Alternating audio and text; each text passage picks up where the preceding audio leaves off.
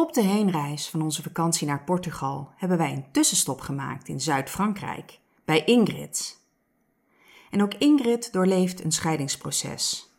En het mooie gesprek wat wij hadden in haar tuin onder de boom mocht ik opnemen. Met onze hondjes, de haan die zich af en toe laat horen tijdens het gesprek, de wind die deze warme dag aangenamer maakte, haar inzicht dat ze al jaren ver over haar grens aan het leven was, de manipulaties, de angst om te vertrekken en hoe ze dit goed voorbereidde, het doorbreken van please-gedrag en de afhankelijkheid van een ander, het steeds onveilige voelen in de relatie en steeds verder weg van haarzelf. En ze sloot af met een hele mooie vraag. Is de onvoorwaardelijke liefde voor je kinderen wel echt onvoorwaardelijk? Of wil je er zelf altijd nog iets voor terugkrijgen? Voel jij de behoefte, na het beluisteren van deze podcast, te praten over hetgeen wat mogelijk los is gekomen bij je? Neem dan even contact met me op. Dat kan via Instagram, stuur me dan even een privébericht of stuur een mail naar kara.karacares.nl en Kara is met een K. Nou Ingrid, daar zitten wij dan. Met de hondjes. Ja, we zitten in Frankrijk. Staart aan staart. Staart aan staart liggen ze, hè? In Frankrijk, bij jou thuis. Ja. En wij hebben elkaar ontmoet, ruim een jaar geleden. Op Iets dan- ja, op Op Hodepijl. Hodepijl. En kijk, nu zitten we hier in Frankrijk. Ik ben eh, bij jou op bezoek. Een Ja. mooie gelegenheid om jouw verhaal eh, te nemen. Ja, want dat heb je nog niet eens zo heel erg lang geleden gehoord. Nee, verhaal. nee, dat klopt. Dat is waar. En dat verhaal. In Ja, het, dit jaar? eh, ja, dit jaar pas hebben we het erover gehad. Ja. We hebben het er natuurlijk daarvoor over hele andere dingen. Dingen die ons Precies. bezighouden.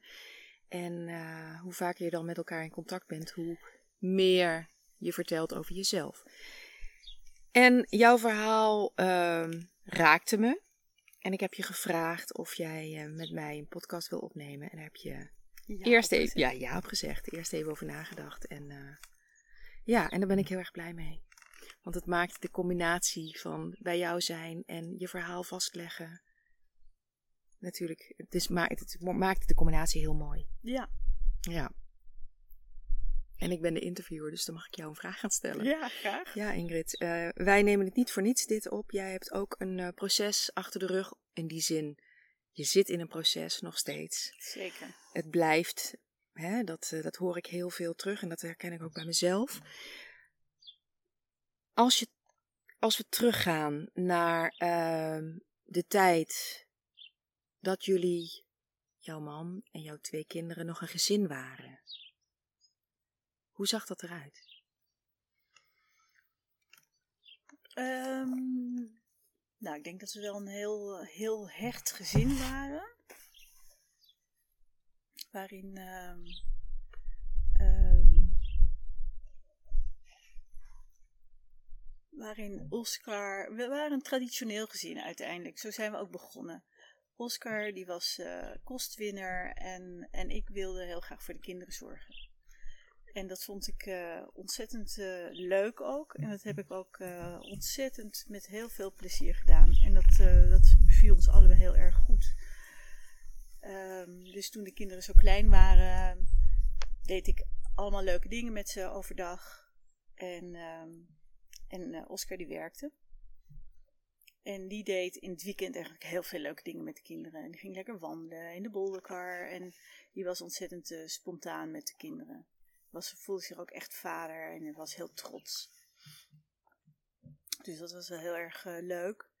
Eh, en op een gegeven moment is eh, Oscar eh, werkloos geworden. Nee, dat is niet eens waar.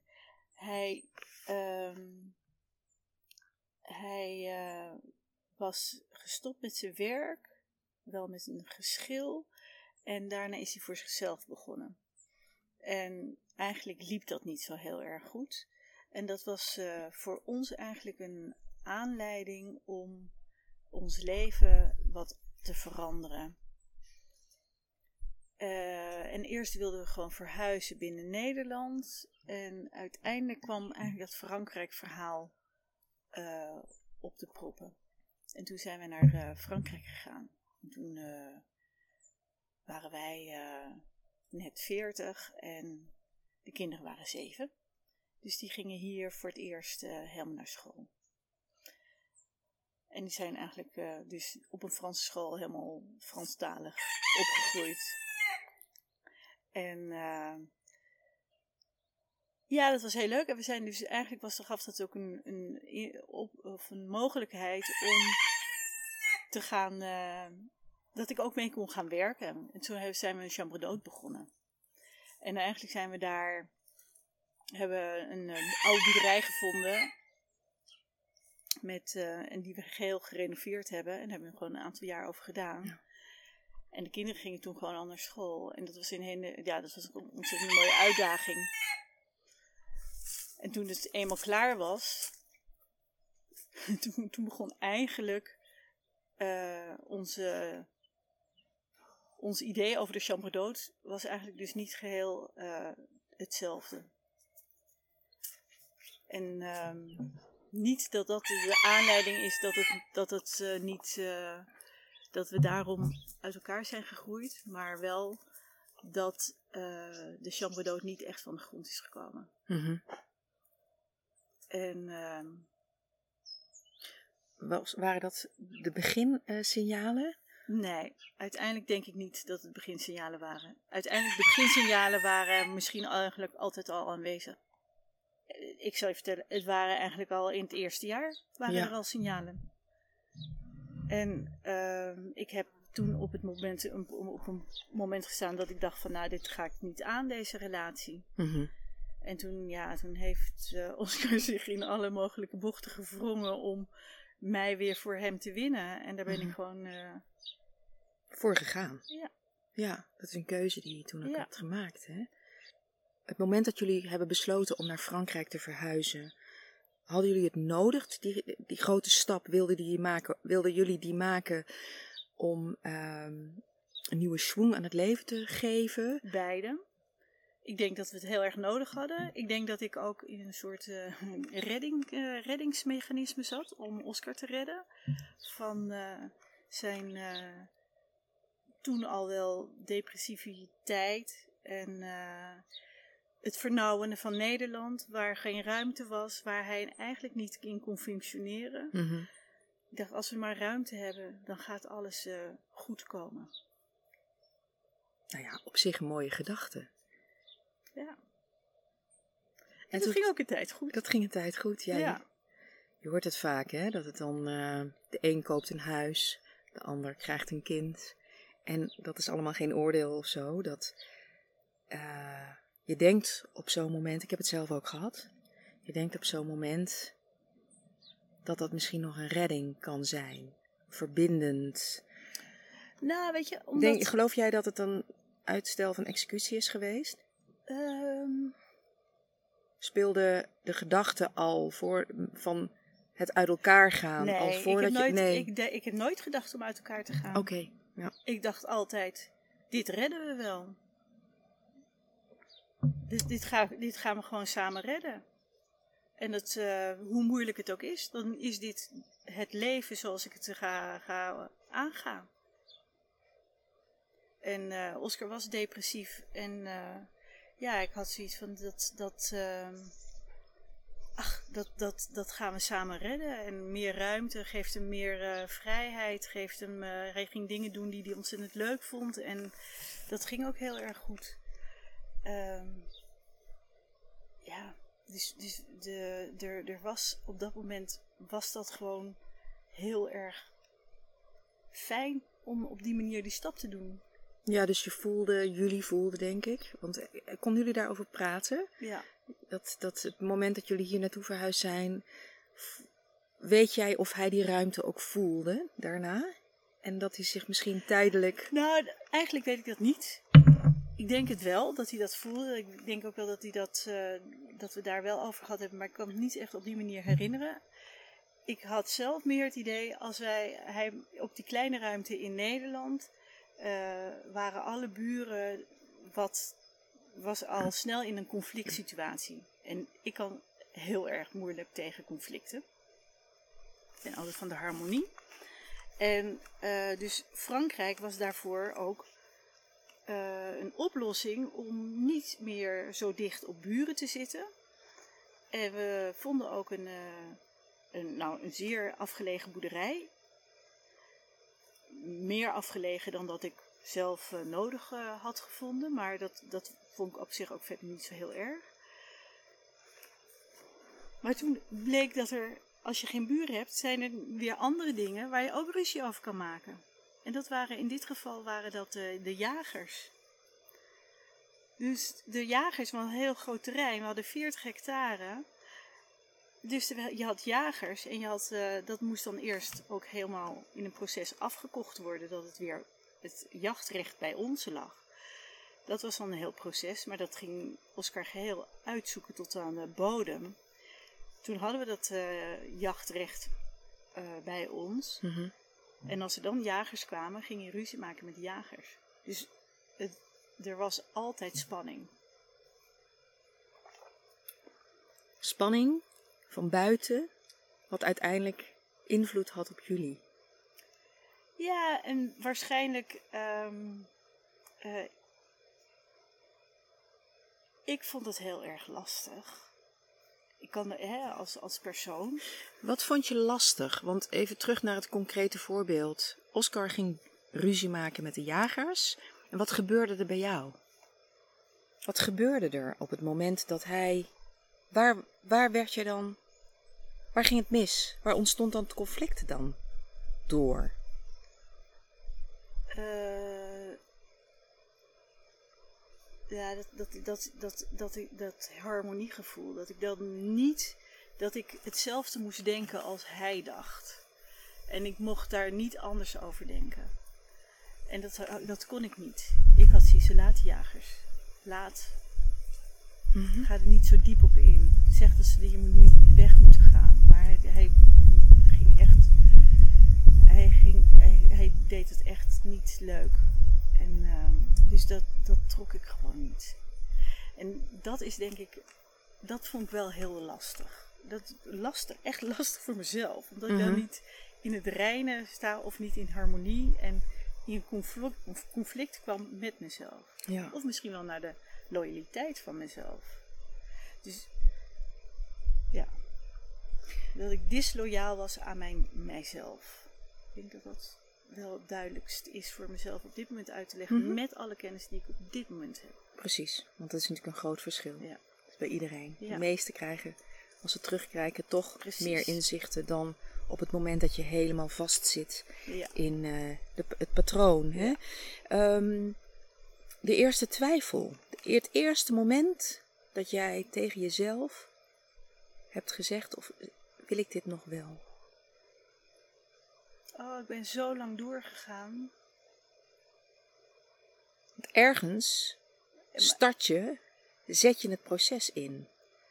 Ik denk dat de twijfel misschien wel vanaf het Ja. eerste jaar was.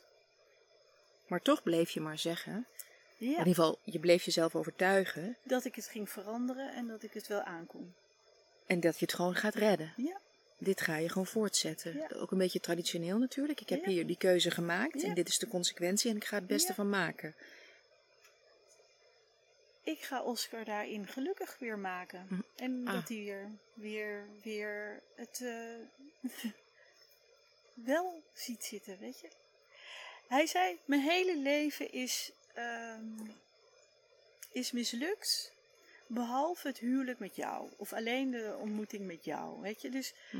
hij legde de, onze relatie daarin voor zijn leven ook heel erg hoog. Mhm. En ja, hoe naïef, maar ehm, je geloofde dat je, ik, ik geloofde ook in mezelf, dat ik, Mooi, dat, dat, ik dat, dat ik dat wel kon veranderen. Ja. Ik denk dat je iemand niet kan helpen. Ik denk dat, je, eh, dat het een mooie gedachte is dat je dat zou kunnen en dat je denkt dat je dat kan. Maar ik denk in principe met alle kennis en die ik nu heb, denk ik dat je nooit iemand kan helpen. Wat heb je moeten inleveren van jezelf? Alles. Dat kan namelijk niet anders, dat je alles inlevert om... Ik zat eh, bij, een, eh, bij een. Ik heb wel uiteindelijk hebben we, hebben we ehm, psychologen, seksologen, ehm, coaching, van alles gehad. En bij de laatste coaching was dan, was dan alleen. En ehm, zij ging mij uitleggen over grenzen. En toen dacht ik ook, ik heb gewoon geen grenzen. Mhm. Ik heb gewoon geen grenzen, want mijn grenzen zijn eigenlijk zo, zo breed. Ja, dus ik heb geen grenzen. Dat heb je waarschijnlijk. Is dat een ehm, inzicht geworden tijdens het bezoek bij die psychotherapeuten? Of had je al. Nee, Wist jij begon- dat zij- jij- want zij- hoe zij weet je dat Zij begon over, over, weet je dat er grenzen zijn? Ja. Dat ieder mens grenzen heeft. En ik had eerst zoiets van, ja, maar ik heb gewoon niet geen, mijn, mijn, ik heb misschien wel grenzen, maar die zijn zo wijd Mhm, dat ik alles kan, aan kan. Denk je? Dacht je? Dacht Nog steeds misschien? Nee, nee, nee, nee, nee, dat is niet waar. Nee, want nu ondertussen, nee, nu ondertussen denk ik, nee, wat was ik ver van mezelf weg? Ja, ik vind het toch mooi. Even terug naar de grenzen leggen. Jij zegt, die lagen zo, mijn grenzen waren bijna niet zichtbaar. Zo wijd en zo ver weg. Toch kom je ooit bij de, bij de rand. Wat, Nee, wat gebeurde er dan met jou? Is het, is het een illusie dat je denkt dat je grenzen heel Ja. wijd zijn. Maar je grenzen zijn nooit wijd. Alleen, Nee, want je gaat er overheen al. Ik ging altijd over mijn Ja. grenzen heen. Dus, en daarom voelde, voelde ik me zo ontzettend, nou misschien wel eenzaam, eh, aangevallen. In een web zitten waar ik niet uit kon. Maar voor jezelf had, hè, had je, voelde dat op dat moment nooit als grens. Omdat ik dat ja, ook niet geleerd had. En dan Nee. ga je alweer een stuk terug naar Ja. wat daar, waarom Wat daar- je daarin terecht gekomen bent. Precies, want dit is natuurlijk. We hebben het heel vaak over patronen. Je hebt A niet geleerd waar je grenzen liggen, blijkbaar. En het kan zo zijn, want dat zie ik heel vaak terug, en dat kan je ook terug horen in vorige afleveringen in de podcast. Dat eh, bepaalde patronen die herhalen, die herhalen zich. Dus het kan zijn dat je dit mee hebt genomen vanuit je kindperiode. Jij komt deze man tegen, waarbij je hetzelfde patroon kan voortzetten. Waarschijnlijk heb je daarom voor hem onbewust gekozen. Ja, absoluut. Maar die, En hij heeft dit blootgelegd. Absoluut. Nou, hij heeft het blootgelegd. Ehm, Of ja, in ieder geval, je hebt het zelf blootgelegd bij Ja, jezelf. Uiteindelijk heeft hij, eh, is dat, is dat eh, voordat je ziet wat er aan de hand is, gaat er wel heel veel aan vooraf. Hè, eerst is die, je begint die relatie natuurlijk en allebei verliefd en leuk en gezellig. En je ziet op een gegeven moment eh, stoot je elkaar een keer en dan is het een liefkozing daarna, na een ruzie. En dan, is het, eh, dan, dan denk je, oh ja, het valt al eigenlijk ook wel mee. We zijn eigenlijk wel heel lief. Maar als dat, als op een gegeven moment na, we hebben heel veel ruzies gehad. En op een gegeven moment ehm, werd die verzachting minder. Mhm. Maar dan praat je wel over echt, dan zaten we denk ik al wel ehm 18 jaar of zo, weet je, 15 Ja. jaar in de, in- of 18, 20 jaar in de, in de relatie. Nee, 18, 15 jaar in een relatie. Het was hier wel in Frankrijk. En ehm, Als je. Want grenzen stellen is iets wat ik heel erg goed kan nu. ik ook echt geleerd. Door bewust te worden en ehm, op zoek te gaan naar die grens. En toen kwam ik erachter dat ik inderdaad ook altijd overheen zat. En op het moment dat je er overheen zit, leef je buiten jezelf. En dat zuigt je leeg, waardoor je helemaal geen energie meer hebt voor dingen die binnen jouw stuk. eh, eh, in ieder geval binnen jouw stuk leven, waar je invloed op hebt. Ehm, het was voor mij wel een enorme bewustwording. Voorheen ging ik altijd overheen. Oh, Met ik bepa- heb er nog altijd moeite mee met grenzen. Tuurlijk. Geloof jij er ook in dat het op zich helemaal niet erg is om af en toe over die grens heen te gaan, als je maar weet hoe je er weer, hoe je weer terugkomt? Ehm, En ja, hoe je nou, jezelf in weer kan mijn- In herstellen. de afgelopen jaren, jaar, denk ik, met mijn eh, bewustzijnsgroei, waar ik mee bezig ben, ehm, ben ik toch wel een paar keer wel geconfronteerd met. Ehm, wees dus loyaal aan jezelf. Mhm. Eh, je nee durven zeggen. Om, je, om iets wat je zelf gewoon niet meer fijn voelt. Die mannelijke kracht nee zeggen. Die heb ik, dat heb ik nog nooit gedaan. Ja, ik heb wel nee gezegd tegen Oscar. Heb ik ook nee gezegd. Dat ben je gaan doen, al bewust gaan Al- doen in die nee, relatie? Nee, hè? eigenlijk helemaal niet bewust. Ik zei altijd nee. Wat ik niet wilde. Ja. Alleen dat werd niet geaccepteerd. En dan werd het vanzelf een ja, omdat ik dacht, ja, dan, weer ruzie. Of dan zat je al in de ruzie en dan denk ik, nou, dan draai maar bij. Maar het voelde nooit oké. Mhm. Dus ik, ik zei wel, ja, is dat een grens? Ja, nee, ik ging Ja, dan altijd over mijn grens Altijd. heen. Dat is over Dus je ik grens. ging me altijd ja. over mijn grens heen. Ja. En dus op een gegeven moment ja, werd dat gewoon wel heel erg lastig en vermoeiend. En ehm, werd de situatie ook eigenlijk wel bedreigend, denk ik. ja. Er was ook wel, weet je, het was. Uiteindelijk in het eerste jaar heeft. Oscar mij een klap gegeven, Het eerste jaar van. de, onze relatie, waardoor ik knock-out ben gegaan. En het ging om, helemaal niks.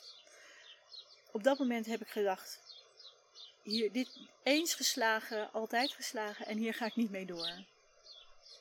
Maar ik ben wel doorgegaan, omdat hij dat nooit meer zou doen. Omdat hij mij toch wel zo heel erg leuk vond. En omdat hij toch wel. Ik ben er gewoon voor, eh, voor ge, gezicht. Ik ben daar gewoon weer voor gegaan destijds. Maar die violence, of de, de, de, Het geweld. het geweld was op een gegeven moment dus niet meer echt fysiek, maar wel verbaal. Ik mag je niet slaan, dus ik doe het niet, maar ik had je willen slaan. Dus dan, dat is een dreiging, maar dat is net zo, net zo gewelddadig. Maar op dat moment voel je het niet dat dat heel gewelddadig is. Maar het komt wel in je lijf binnen als gewelddadig. Het is niet fysiek, dus, hè, dus dat voelt minder gewelddadig. Terwijl het Mhm. misschien wel gewelddadiger is. Het was een web, kwam er niet meer uit. Omdat je er zo in zat. Ja, Dan is het. Nee, dat, dat is eigenlijk ook logisch als je er nu van een afstand naar kijkt.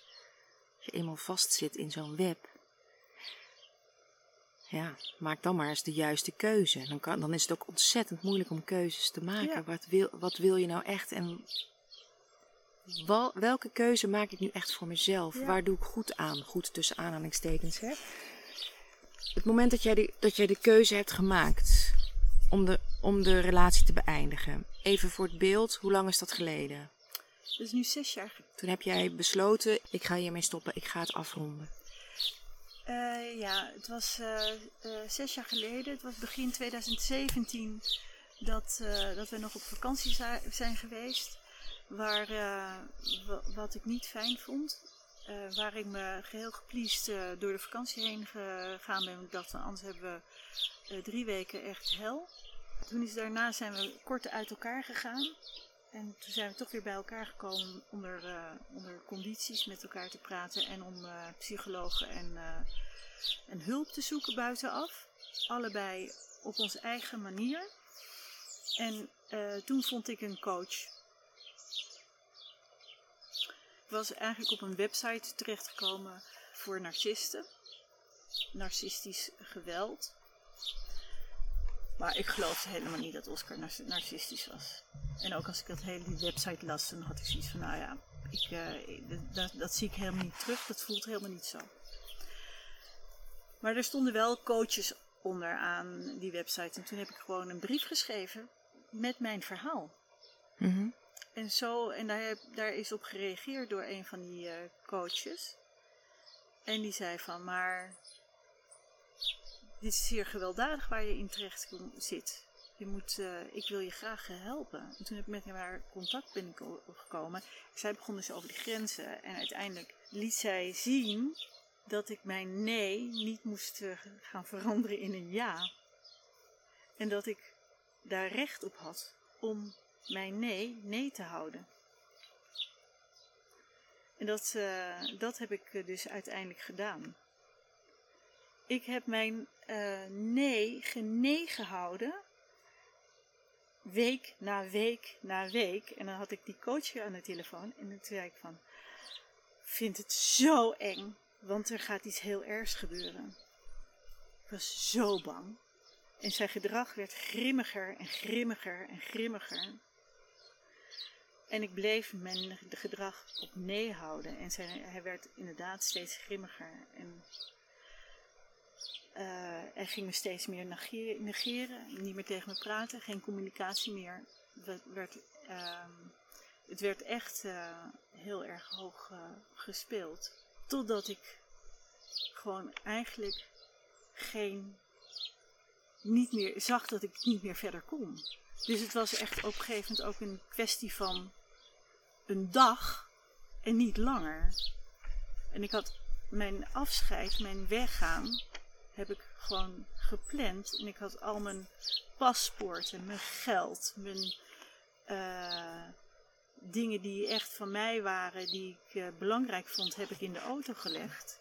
Op het moment dat ik uh, zei dat het echt niet meer verder kon. Dat we uit elkaar gingen. En toen kwam die dag. En toen was die dag er. Die had je van tevoren, wat je zegt, gepland? Jij wist, dan gaat het gebeuren? Nee. Nee, dat, heb je, of heb je gewacht op een... Tot het niet meer verder kon. Tot, het, tot ik dacht, anders uh, word ik vermoord. Misschien wel. En toen ik dat zei... Ik Tegen wist die- natuurlijk niet waar ik naartoe hem. ging, want dat had ik helemaal niet gepland. Ja. Maar ik, ik, ik had zoiets van, ik ga gewoon, want we hadden een groot huis en we hadden een chambre d'hôtekamer. Dus ik dacht, ik ga in zo'n chambre d'hôtekamer. Maar ik kon die chambre d'hôtekamer niet eens meer die deur dicht krijgen. Toen kwam hij binnenstormen en heel boos. En toen werd ik bijna inderdaad geslacht, zeg maar. Maar eh, heel, heel erg vervelend dat mijn dochter daarbij was. Maar misschien ook wel gelukkig. Want ehm, die sprong op de rug van Oscar en die zei niks aan mama doen. En toen heeft hij eh, mijn koffer in de auto gegooid en zei wegwezen en je komt er nooit meer in. En zo Mhm. is het ook gebeurd. Het was dus een gevecht verder. Waar ben je naartoe gegaan? Ik ben ehm, naar mijn, ik had een restaurantje en daar ben ik naartoe gegaan. Ik werkte toen ondertussen. Daar ben ik naartoe gegaan en eh, eh, daar eh, had ik een Nederlandse werknemster. En zij zei, je kan bij ons tijdelijk komen wonen. Totdat Oscar ging manipuleren. Alles om mij heen werd gemanipuleerd. Iedereen om me heen. Dus ik was, werd geïsoleerd. En, ehm, en toen heb ik een. ehm,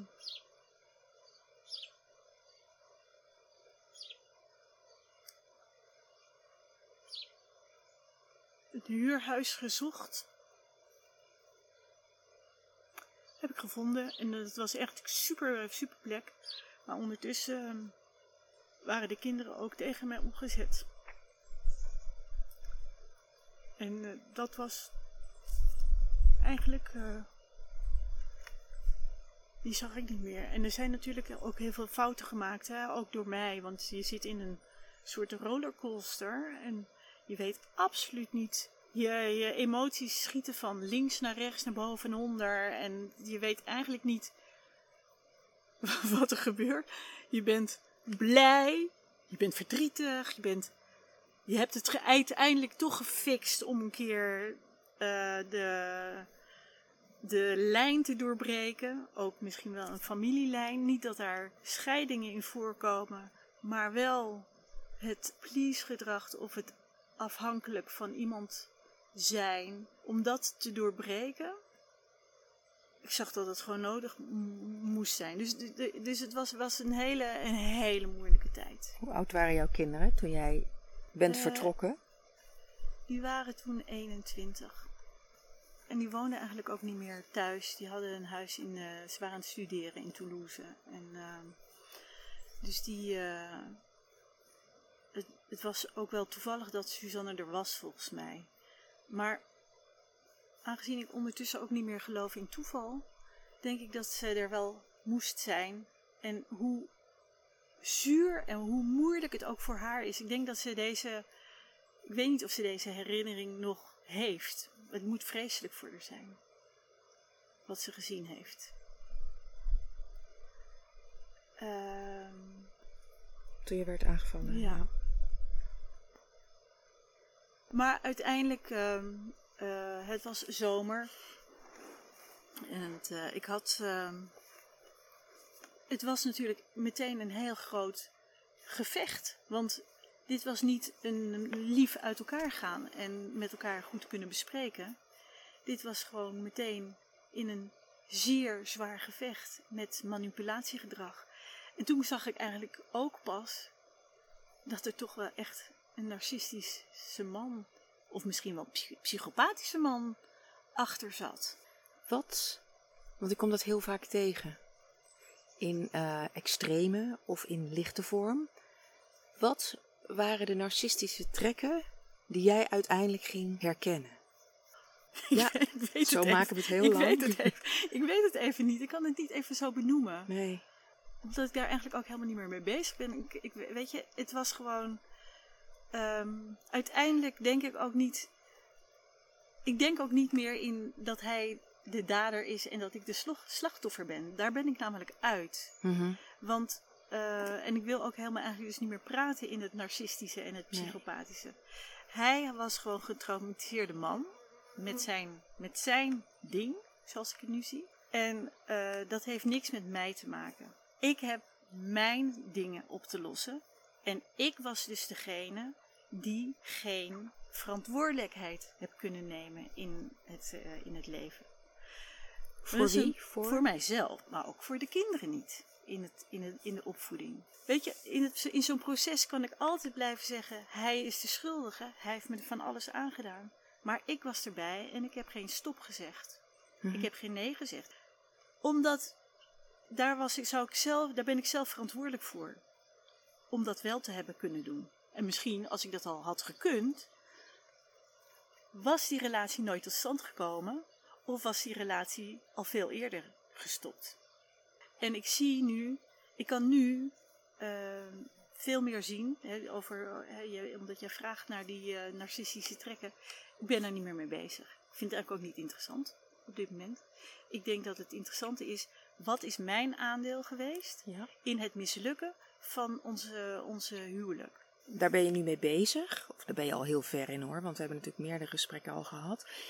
Um, kon je dat ook al... Uh kon je dat ook al bekijken? Of durfde je er ook al naar te kijken en het te benoemen tijdens de breuk?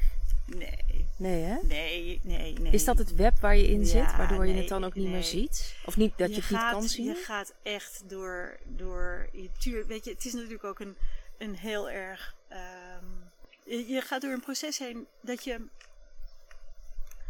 dat je, dat je natuurlijk eerst gaat wijzen. Hij is de dader, ik ben de slachtoffer. Zo. Is dat een ehm, Eh, overlevings... eh, Ja, dat denk ik wel. Hij, Ja, hij heeft me dit aangedaan. eh. nou, eigenlijk wat ik, wat ik net al zei, dat, Mhm. dat eh, met die coach, dat ik mijn grens bleef volhouden in de nee, maakte de situatie zo ontzettend gevaarlijk voor mezelf en beangstigend, dat ik dacht, hier gaat zometeen iets heel ergs gebeuren. Waardoor ik mhm. gevlucht dat ik wel weg moest. Dat ik die, er, er was geen mogelijkheid meer om nog te helen. Ik heb tot zo lang gewacht. Zo lang. Nog langer dan lang. Nou, je hebt gewacht, maar je hebt je aangepast. Waardoor je kon wachten, waardoor je het vooruitschoof. Maar op het moment dat je voor jezelf bent gaan kiezen. Je bent voor jezelf gaan kiezen, je bent die grenzen gaan trekken. brengt dat consequenties. Dat, Precies. en die consequenties ga je, dat is je nieuwe stap. Die ga je dan aan. Waardoor je de keuze maakt om, kan maken om te gaan, omdat het zo extreem wordt. Maar dan kom je dus eigenlijk ook meteen, hè, dan kom je in een verwerkingsproces. Mhm. Of in een, hè, het verwerken van het, het trauma. Maar daar, ben, daar zit ik natuurlijk nog steeds in. Weet Ja. je, dat is het zes jaar geleden. Dat, dat is. Ehm, en dit, dat heeft, een verwerking heeft fases. Hè, in, eh, dat, eh, het, het, eh, het boos worden, het, het accepteren. Het, en op een gegeven moment. Of Tot aan laatste. Je begint met ontkennen.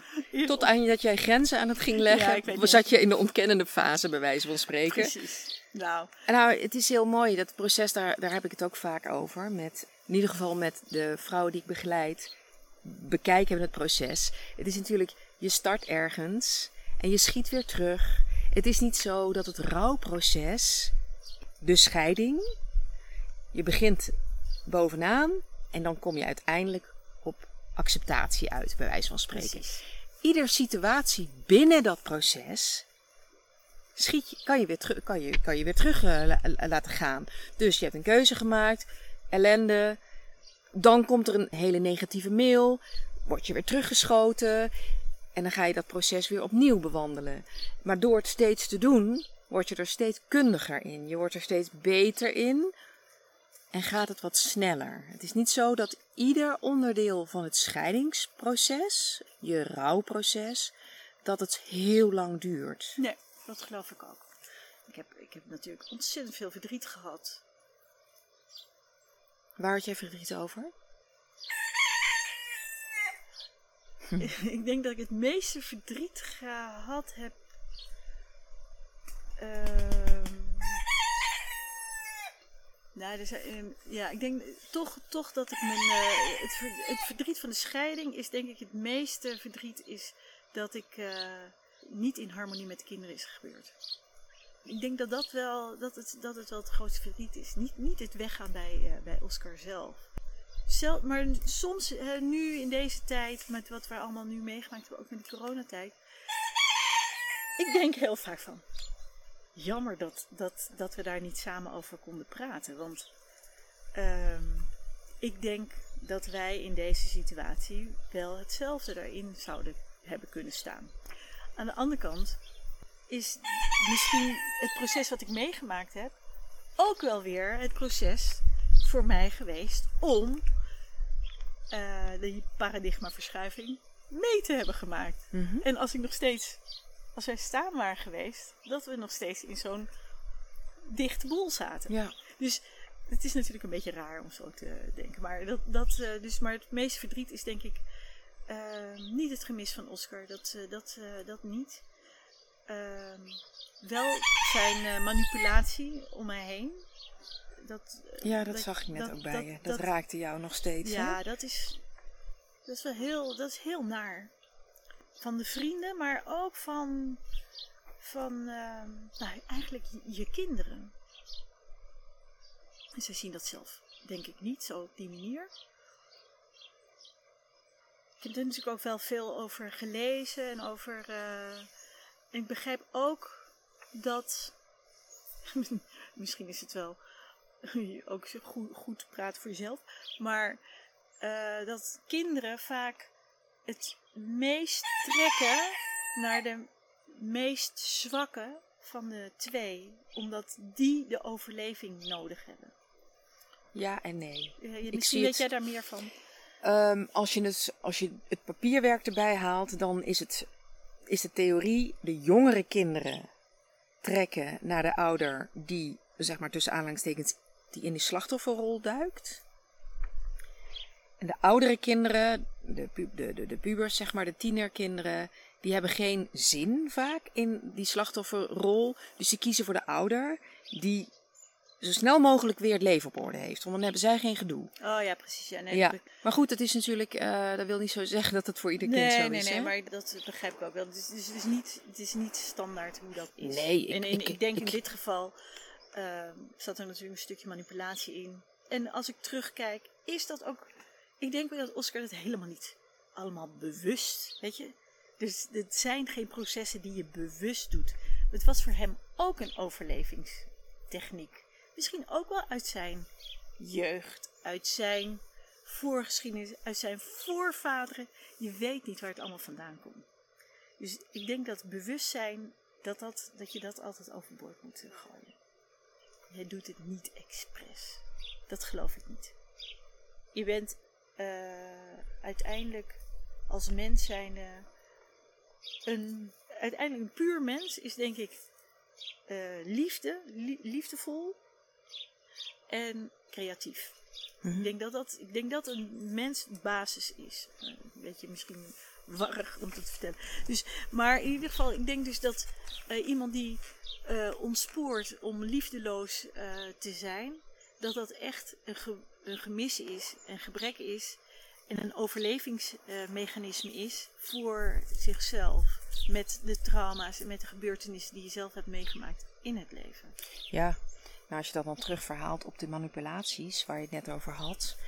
Uh, het klinkt als een enorm uh, beschermingsmechanisme. Want op het moment, daar heb ik het ook wel vaker over gehad in een andere aflevering uh, van de podcastserie, op dat je maar kan blijven wijzen naar de ander, dan hoef je niet naar jezelf. Ja, precies. En uh, hij heeft natuurlijk wel hoog ingezet door de kinderen erin mee te nemen en door heel je sociale netwerk. Uh, maar goed, het is ook weer als je dan kijkt naar je omgeving destijds.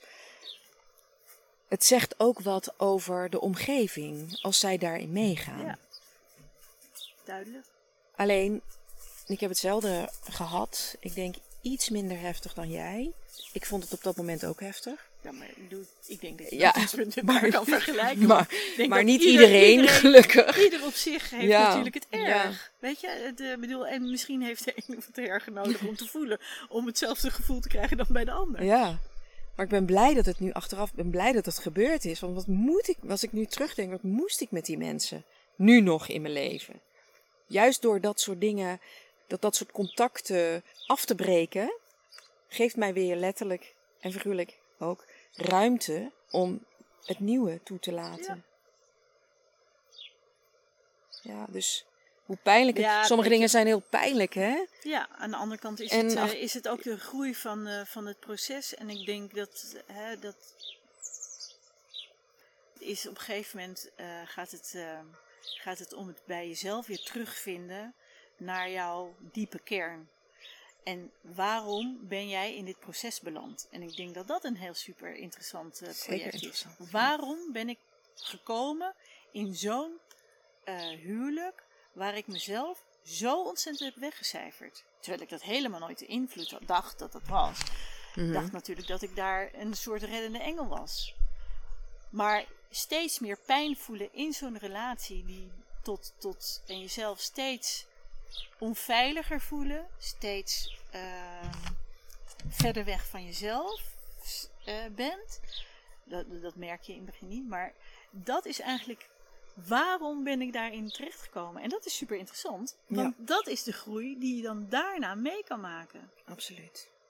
daardoor kan ik ook Oscar nu niet meer als dader aanwijzen, omdat ik zelf net zo goed dader ben geweest voor mijn eigen proces.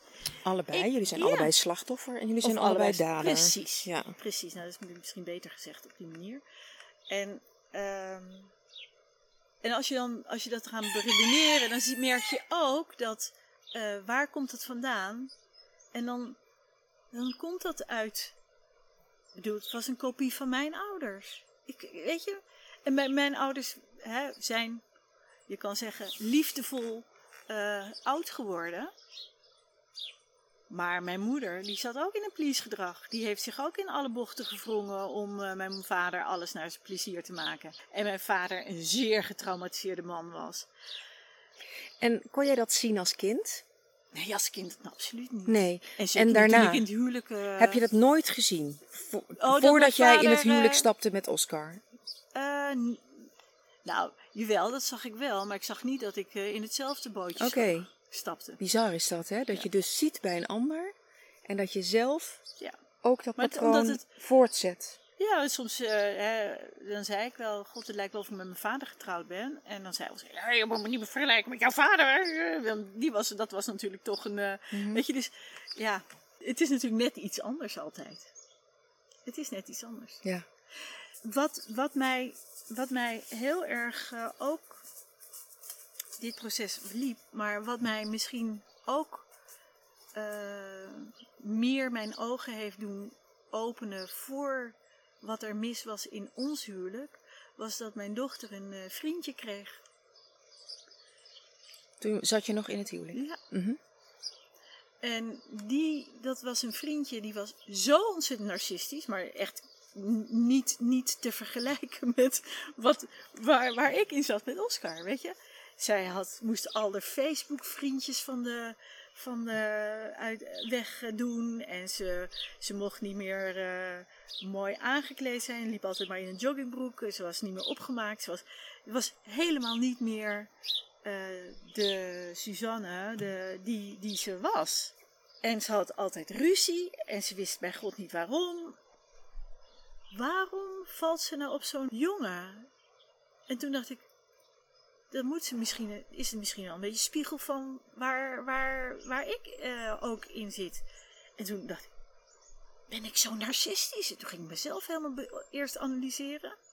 En toen ben ik eigenlijk dus ook op die site hè, via vrienden gekomen op dat narcisten. En uh, ben ik dat te gaan bekijken. En toen dacht ik, nee, ik ben dat niet. Dat is dus Oscar. Maar ik kon dus nooit echt, nee, dat, weet je, want daar staat altijd dat je alles expres doet. En dat ze het met bewust, bewust doen. En dat geloofde ik niet. Dat geloof ik echt tot nu toe nog steeds niet. Dat ze je bewust. Uh, nee, maar dat heb je net ook uitgelegd. Dat het vanuit een trauma, vanuit een patroon. Uh, onwetend. Precies. Aan de ene kant. Ja, daar zal niet iedereen het mee eens zijn hoor. Nee, dat um, en daar is, dat is ook oké. Okay. Ja. Nee, het maakt ook helemaal niet uit. Het nee. is ook zo. Jij bent vertrokken proces is eh, gestart. Ja, het scheidingsproces ja, ik, ging heel. Ik, uh, ik, ja. we gingen, we gingen. Het was natuurlijk heftig, dus ik moest. Jij moest het huis ik uit, moest jullie het huis uit. Ik mocht het huis niet meer in. De kinderen mochten mij niet meer toelaten. Um, er werd een slot ook veranderd. Ik kon gewoon echt ook niet, niet meer het huis in. Nou, heel toestand. Moest wat meubels ophalen. Er nog allemaal toestanden geweest. Mm. Maakt, ga, ik ga niet in detail over, maar. Nee. Uh, uiteindelijk uh, had, ik, uh, had ik zoiets van: er moet dus nu een scheiding geregeld worden. En het moest wel heel snel gebeuren, want dit gaat, ik ben mijn leven niet zeker. Zo voelde het. Ik voelde me echt heel onveilig. Dus ik, het was, weet ik veel, hartstikke warm. In de zomer. Ik zat in dat huurhuis ondertussen.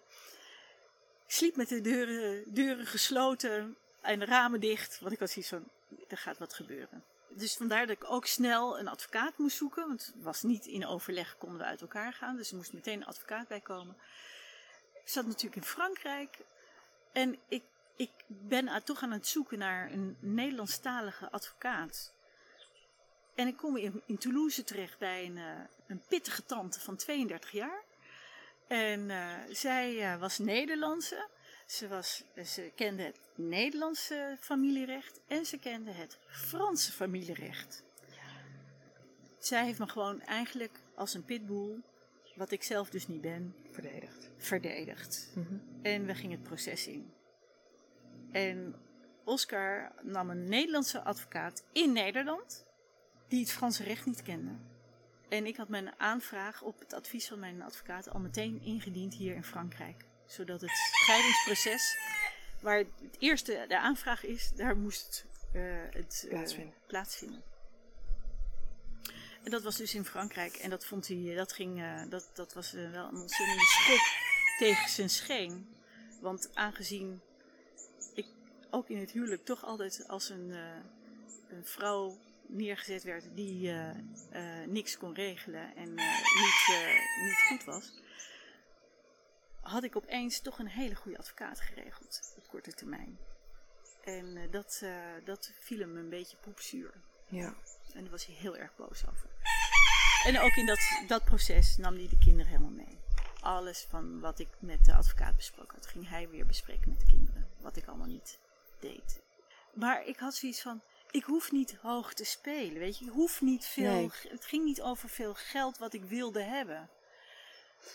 Wat was de reden? Wilde je het gewoon snel en Ja, concreet ik- afhandelen? Ja, precies. Dus het, ging, het was niet om veel vermogen, grote huizen. Nee, Nee. snel en concreet. Ja. Dat was je doel. Ja. Ik ging niet voor de, voor de top of de bill. Nee. Absoluut niet. Nee. Het ging me echt om mijn vrijheid om het snel mogelijk af te ronden. En als je dan in zo'n proces zit, dan ga je natuurlijk ook met, eh, met mensen praten. En dat eh, mensen tegen je zeggen: Ja, maar Ing, je laat je niet met dat geld eh, afkopen. Je, moet, je, je, je hebt echt recht op meer. Daarover nadenkende, dacht ik, had ik zoiets van: Ja, misschien moet ik dat ook wel doen. Misschien ben ik nu wel een beetje, ga ik een beetje snel door de bocht. Ik hoef niet, eh, niet precies waar ik recht op heb, maar Mhm. misschien iets meer is, wel, eh, is misschien wel handig. Dus toen heb ik met mijn advocaat afgesproken dat we, dat, dat we toch op het convenant van Oscar, dat we daar dan toch iets meer zouden gaan vragen. Dat, eh, en dat is gebeurd. Ik was in Nederland, want ik dacht ik wil niet in Frankrijk zijn, want ik ben mijn leven niet zeker. Want dat had, ik dus altijd, hè, de angst wat er kon gebeuren. Ehm, eh, dat, dat, dat, dat voelde ik. Het moment dat ik dus eh, op dat convenant van Oscar door mijn advocaat meer geld ge- ben gaan vragen, ehm, heeft Oscar daar natuurlijk ook meteen met de kinderen over overlegd. Kijk wat mama doet. Zie je wel. En dus toen kreeg ik van eh, mijn dochter ook te horen: jij steekt een dolk in papa's rug. Ik had zoiets, ja, weet je, het is even, het is even niet anders. Ik, ik, weet je, ik moet echt eventjes nu ook voor, aan mezelf denken. Toen eh, eh, reed ik uiteindelijk, eh, dat was gebeurd, ik moest ook weer naar Frankrijk, ik moest weer- naar huis, dus ik ging naar huis. En toen werd ik eh, onderweg op een gegeven moment gebeld door mijn zoon. En toen bleek dat Oscar zelfmoord had gepleegd. Zo. En dan kan ik me dus misschien heel erg schuldig gaan voelen, omdat ik meer geld heb gevraagd.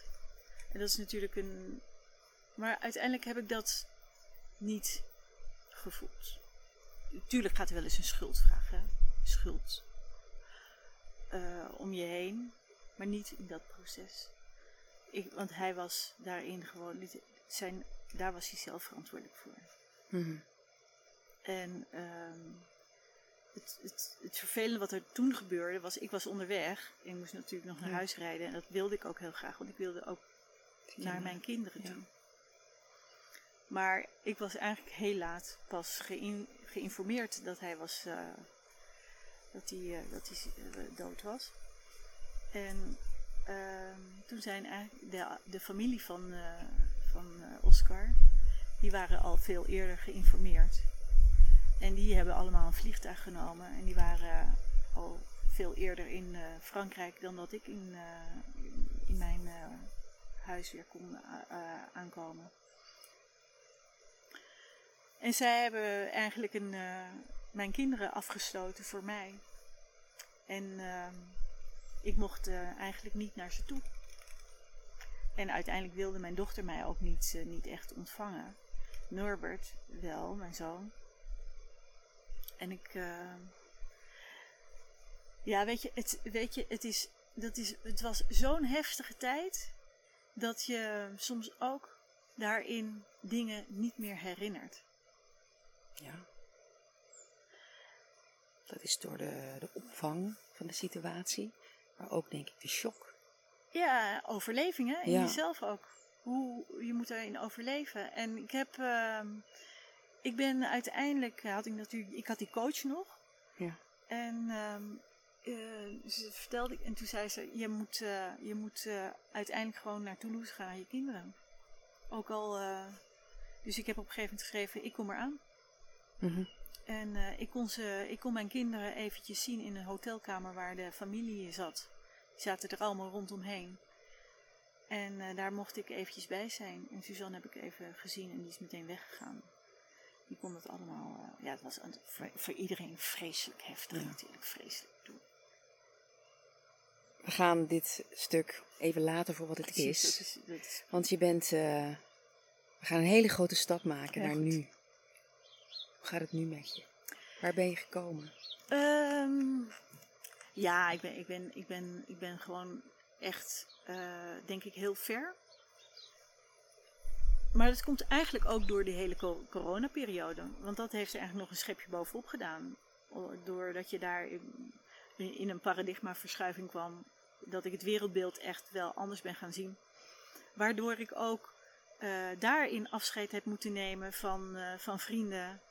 En, eh, maar waarin, je, waarin het bewustzijnsproces en de verwerking van, van alles eigenlijk in een snel tempo is eh, gegaan. Ja. Waardoor je heel dicht bij jezelf kan komen. Waarin je kan vergeven. Waarin je, ja, waarin je gewoon zelf die groei kan, kan meemaken met, met de dingen die je, die je onderneemt, leest, spreekt, nieuwe mensen ontmoet. Mhm. Zoals bijvoorbeeld ook eh, dat wij elkaar eh, op, ho op Hodenpeil eh, hebben leren kennen. En het ging toen helemaal niet over scheiding. Dat was toen gewoon, dat was verre weg. We wisten helemaal geen, geen geschiedenis van elkaar. Nee, de verbindende factor lag elders. Precies, Een gedeelde interesse. precies. Interesse, het ging Ja. iets verder dan dat, maar Nou, uiteindelijk ja, kunnen we dat wel zo noemen. ja. En dat is natuurlijk ontzettend bijzonder en ook bijzonder mooi aan deze periodes, waardoor het ene het andere misschien eh, ook in verwerking versnelt. Ja, even, even terugdenken. Ja, ik denk dat dat wel versneld heeft. Want zelfs hoe. Hè, ik heb de relatie met mijn dochter is nog altijd heel erg eh, lastig en moeilijk. Ehm, maar er zijn echt best mooie momenten samen geweest dat we hele mooie gesprekken samen hebben kunnen voeren. Eh, ik begrijp best eh, dat, eh, dat zij ook haar eigen, nou laat ik het, zielsmissie heeft te, te, te belopen. Maar het proces met Suzanne, hè, mijn dochter, is door die COVID-periode ook dichterbij gekomen, omdat die lockdown, hè, de confinement. Zij zat in Toulouse met een, eh, en, en een vriendinnetje van haar zat ook, ook in Toulouse. En een vriendinnetje. Ik, ik zei meteen van. ehm, mocht je niet in je appartement willen blijven zitten, realiseer je, kom naar mij toe. Ik heb hier een groot terrein. Hè, toen woonde ik nog eh, op dat grote terrein in het huis. Eh, want ik was daar weer ondertussen teruggegaan. Mhm. Maar dat hoeft niet te besproken te worden, maar ik ben, toen weer terug. Ik weet wonen. uit het vorige gesprek wat we hierover hebben Ja. gehad, dat je toen eh, ook echt heel stellig Ja. terug bent gegaan naar het huis. Maar goed, lockdown. Dus, dus, dus zij, zij waren, zij waren hè, mijn kinderen waren ze natuurlijk van harte welkom. Het was een groot huis, er was ruimte genoeg.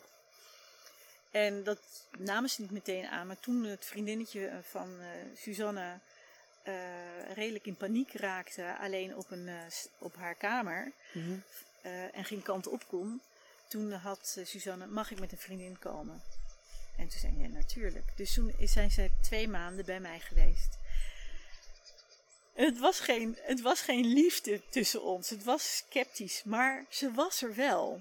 En dat heeft toch geholpen in het proces dichter naar elkaar toe komen. Ook al hadden we toen helemaal geen processen. Ik was ook nog helemaal niet eh, met zo ontzettend bewust bezig. Ik denk dat het ook mooi is om de dingen ook om het te laten zijn. Precies. Je kan in conflict zijn. Liep even wat scheef met je dochter of wat. Het liep scheef met je dochter. Klopt. Jullie konden elkaar niet vinden. En ze besluit bij jou op het terrein te komen wonen met een vriendin. Ik Ja. denk dat het beter is om het dan te laten zijn. Ja.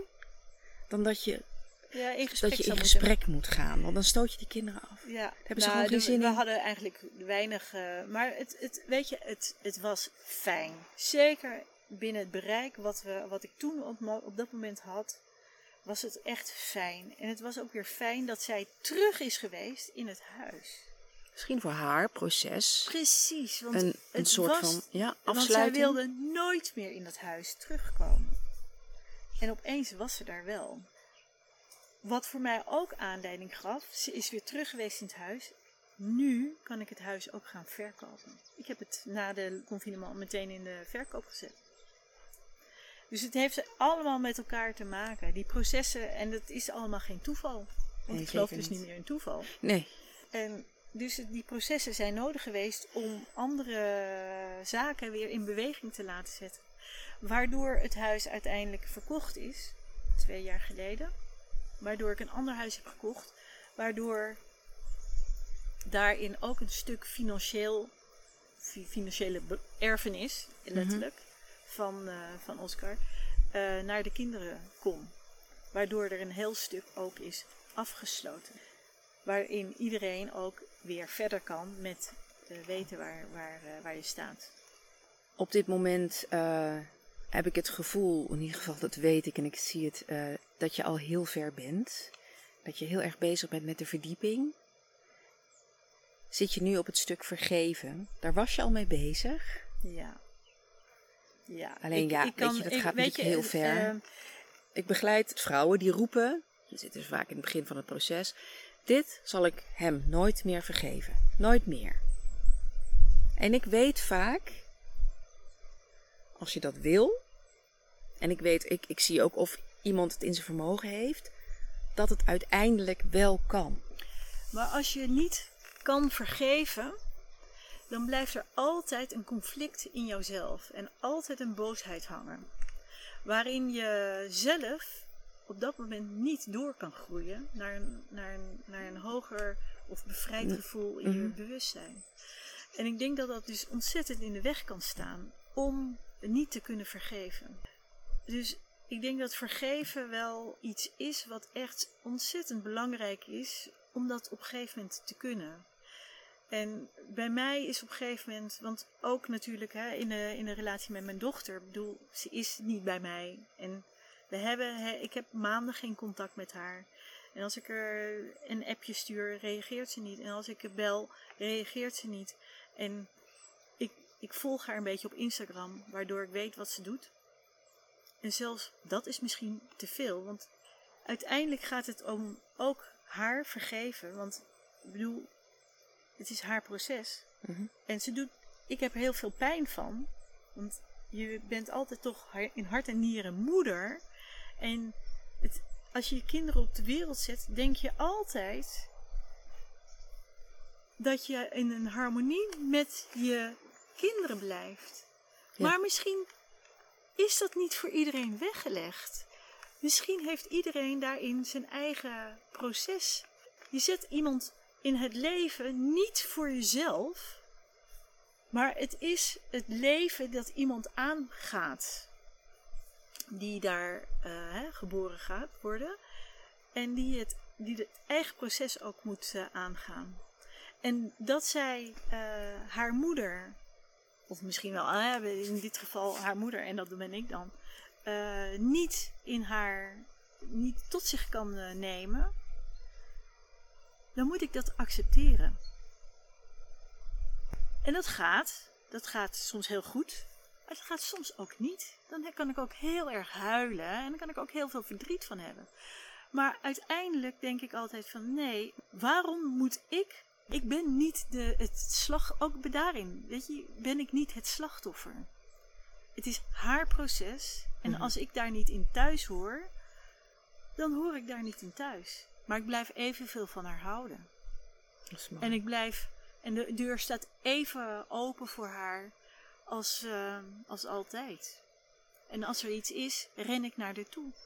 Maar Het zou kunnen zijn dat het feit dat je het accepteert en dat je haar die ruimte geeft vanuit liefde, dat het nou net hetgeen is wat ze nodig heeft. Om ooit ook in die vergeving terecht te komen, in het begrip. ja, weet je, En, een is, ander, en en die ik- en relatie met jou weer eh, op een andere manier, op een andere manier aan te gaan. Uiteindelijk hoop ik voor haarzelf dat ze in een, een gelukkig en nou, misschien wel ook in een, een mooi hoog bewustzijn eh, terecht gaat komen. En dat ze niet verstrikt raakt in deze wereldse chaos. Weet je, dat is denk ik wat ik misschien wel op dit moment het belangrijkste voor haar vind. En of ik daar nou wel of niet bij hoor, Ja. is niet zo belangrijk. Dat vind ik wel, eh, dat vind ik wel het belangrijkste. Verder, kijk, ehm, en dat geldt natuurlijk voor Norbert, hè, mijn zoon, even hard. Die hoop ik net zo goed dat hij eh, heel, eh, heel gelukkig en, eh, en ook zijn pad goed kan lopen. En ik hoop dat hij niet dezelfde fouten maakt, als je ook van fout kan spreken, als wat ik gedaan heb. Dat hij, dat hij, ik hoop dat hij zijn grenzen ook duidelijk kan handhaven. Het grappige is met Norbert, die, die heeft ook wel eens helemaal in het begin gezegd, toen we net uit elkaar waren, dat Oscar en ik uit elkaar waren. Die zei ook wel van, ja, mam, ik denk dat ik iets meer op jou lijk en dat Suzanne iets meer op uh, papa lijkt. Weet je, ja. En beide nemen, nemen, nemen fouten met elkaar mee. Weet je, Mhm. ik, ik, ik, ik ben niet een. Ik heb natuurlijk, ja, in, ook in het hele huwelijksproces, heb ik natuurlijk mijn fouten gemaakt. Wat is fout? Bestaat er een goed en fout? Sommige dingen gebeuren, lijken fout en worden benoemd als fout of weggezet als fout. Ja, daar ben ik wel mee eens. Het is natuurlijk niet fout, maar het is misschien een onvermogen. Ik kan me misschien beter over onvermogen praten Mhm. in plaats van fouten. Want eh, ik denk dat niemand als mens zijnde expres fouten maakt. Ik denk dat iedereen, als er al iets gebeurt wat niet helemaal correct is, dat het altijd een onvermogen is. Want dat, dat zijn dingen zo zit, zo zit het menselijk lijf ook, hè, of processen in elkaar. Mhm. je, je wordt denk ik als puur, redelijk puur geboren. Ik denk dat er best wel karma in kan zitten van voorgaande generaties. Eh, maar ik denk dat je toch redelijk puur geboren wordt in, eh, in zielsniveau, dicht bij jezelf. Een beetje, beetje, beetje spiritueel. eh, maar Mag best. Vind ik heerlijk. doen we ook een beetje tussendoor. ja. Ehm, dat je door, door je opvoeding en door, de, door het eh, wereldtoneel, hè, de scholen en eh, ervaringen verder in spelen of nou, sporten of wat, wat, wat ook eh, wat je meemaakt, dat je daarin in een, ehm, een persoonlijke laag om je heen krijgt eigenlijk je persoonlijkheid. Dat die op die manier gecreëerd wordt. En die persoonlijkheid is. Ofwel, ehm, kijk, je wordt natuurlijk wel met een bepaalde persoonlijkheid geboren. Of in ieder geval persoonlijke kenmerken. Ofwel, ze worden aangezwengeld door je omgeving. Of het nou onderwijs is, of sport, of je opvoeding. Ofwel, ze worden Ja. niet aangeraakt. En jij krijgt niet de kans om ze te ontwikkelen, omdat Ja. ze... Ik, ik, ik denk dat je. Ik denk, ik denk eerder, dat is mijn, mijn visie, dat, een, dat je, je bent eh, redelijk neutraal. Tuurlijk heb je, je je karakter zit nog onder je persoonlijkheid. En ik denk dat jij het karakter bedoelt. Je Ja. wordt geboren met een karakter. Mhm. En ik denk dat je persoonlijkheid om je Ja. karakter heen zit. Dat bedoel ik ook. Ja, en je persoonlijkheid zijn de ervaringen en de. de eh, zo, zoals je, je kan overleven in situaties waarin je eh, tekortkomingen ko- tegenkomt in je, nou, in- op je school, eh, met je ouders, in, in het leven zelf. En het- natuurlijk in de eerste instantie is dat gewoon toch je thuissituatie. Ja. En als ik dan even terugga naar bij mijzelf. Mijn vader was getraumatiseerd. Leefde met hele grote angsten. En ik denk dat ik ook een enige angst altijd had. Ehm, en misschien is die angst wel een basis geweest dat ik ook eh, iemand om mij heen wilde hebben. En dat was dus een Oscar. En een angst had om die basis te verlaten, want dan was ik alleen. Weet je, dus, eh, en dat is een persoonlijkheid. Dus dat, dat, dat, die angst komt van mijn vader. En daarbij is onze pers- persoonlijkheid ook nog eens een keer aangeleerd dat wij eh, altijd niet jezelf konden blijven zijn, maar je moest je altijd aanpassen aan de grillen van mijn vader. Mhm. Dus via mijn moeder werden we, hè, die was wel lief, een hele lieve moeder, maar zij was ook aan het overleven om met mijn vader om te gaan. En als, dus zij zorgde er ook weer voor dat wij ons aan gingen passen, zodat zij het met hem ook makkelijker kon eh, doorgaan. Dus het, was, dus het Ja. waren toch op voorwaarders, werd je geliefkoosd. Dus je leert op een gegeven moment wat is liefde? En uiteindelijk denk ik, ja, ik denk dat mijn liefde uh, op voorwaarden was. En, uh, en de onvoorwaardelijke liefde heb ik die niet meegekregen. Maar dat betekent dus ook, als ik nu verder kijk, heb ik mijn onvoorwaardelijke liefde, die ik nooit heb geleerd, heb ik ook dus niet door kunnen geven aan mijn uh, kinderen. kinderen. Want dan is het, dat, daar zit toch een stukje voorwaarde in. En dan denk je, nee, je hebt altijd een onvoorwaardelijke liefde voor je kinderen. Tuurlijk zit er een stukje onvoorwaardelijke liefde naar je kinderen toe. Maar is die onvoorwaardelijke liefde wel echt onvoorwaardelijk? Of wil je er altijd nog zelf iets voor terugkrijgen? En dat is een mooie om mee af te sluiten. Prachtig. Ja. Dankjewel, Kara. Alsjeblieft, ik vind ik een hele mooie, want daar ga ik zelf ook over nadenken. Prachtig die haan op de achtergrond. De honden om ons heen. Ja, het windje. Die hebben niet geblaft, volgens mij. Nee, die hebben niet geblaft. Nee, nee helemaal niet. Het windje. Ja, het, is heerlijk om hier te zitten en eigenlijk kunnen we nog wel uren doorpraten. Ja.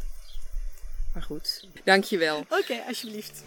Heel fijn dat je luisterde naar deze nieuwe aflevering.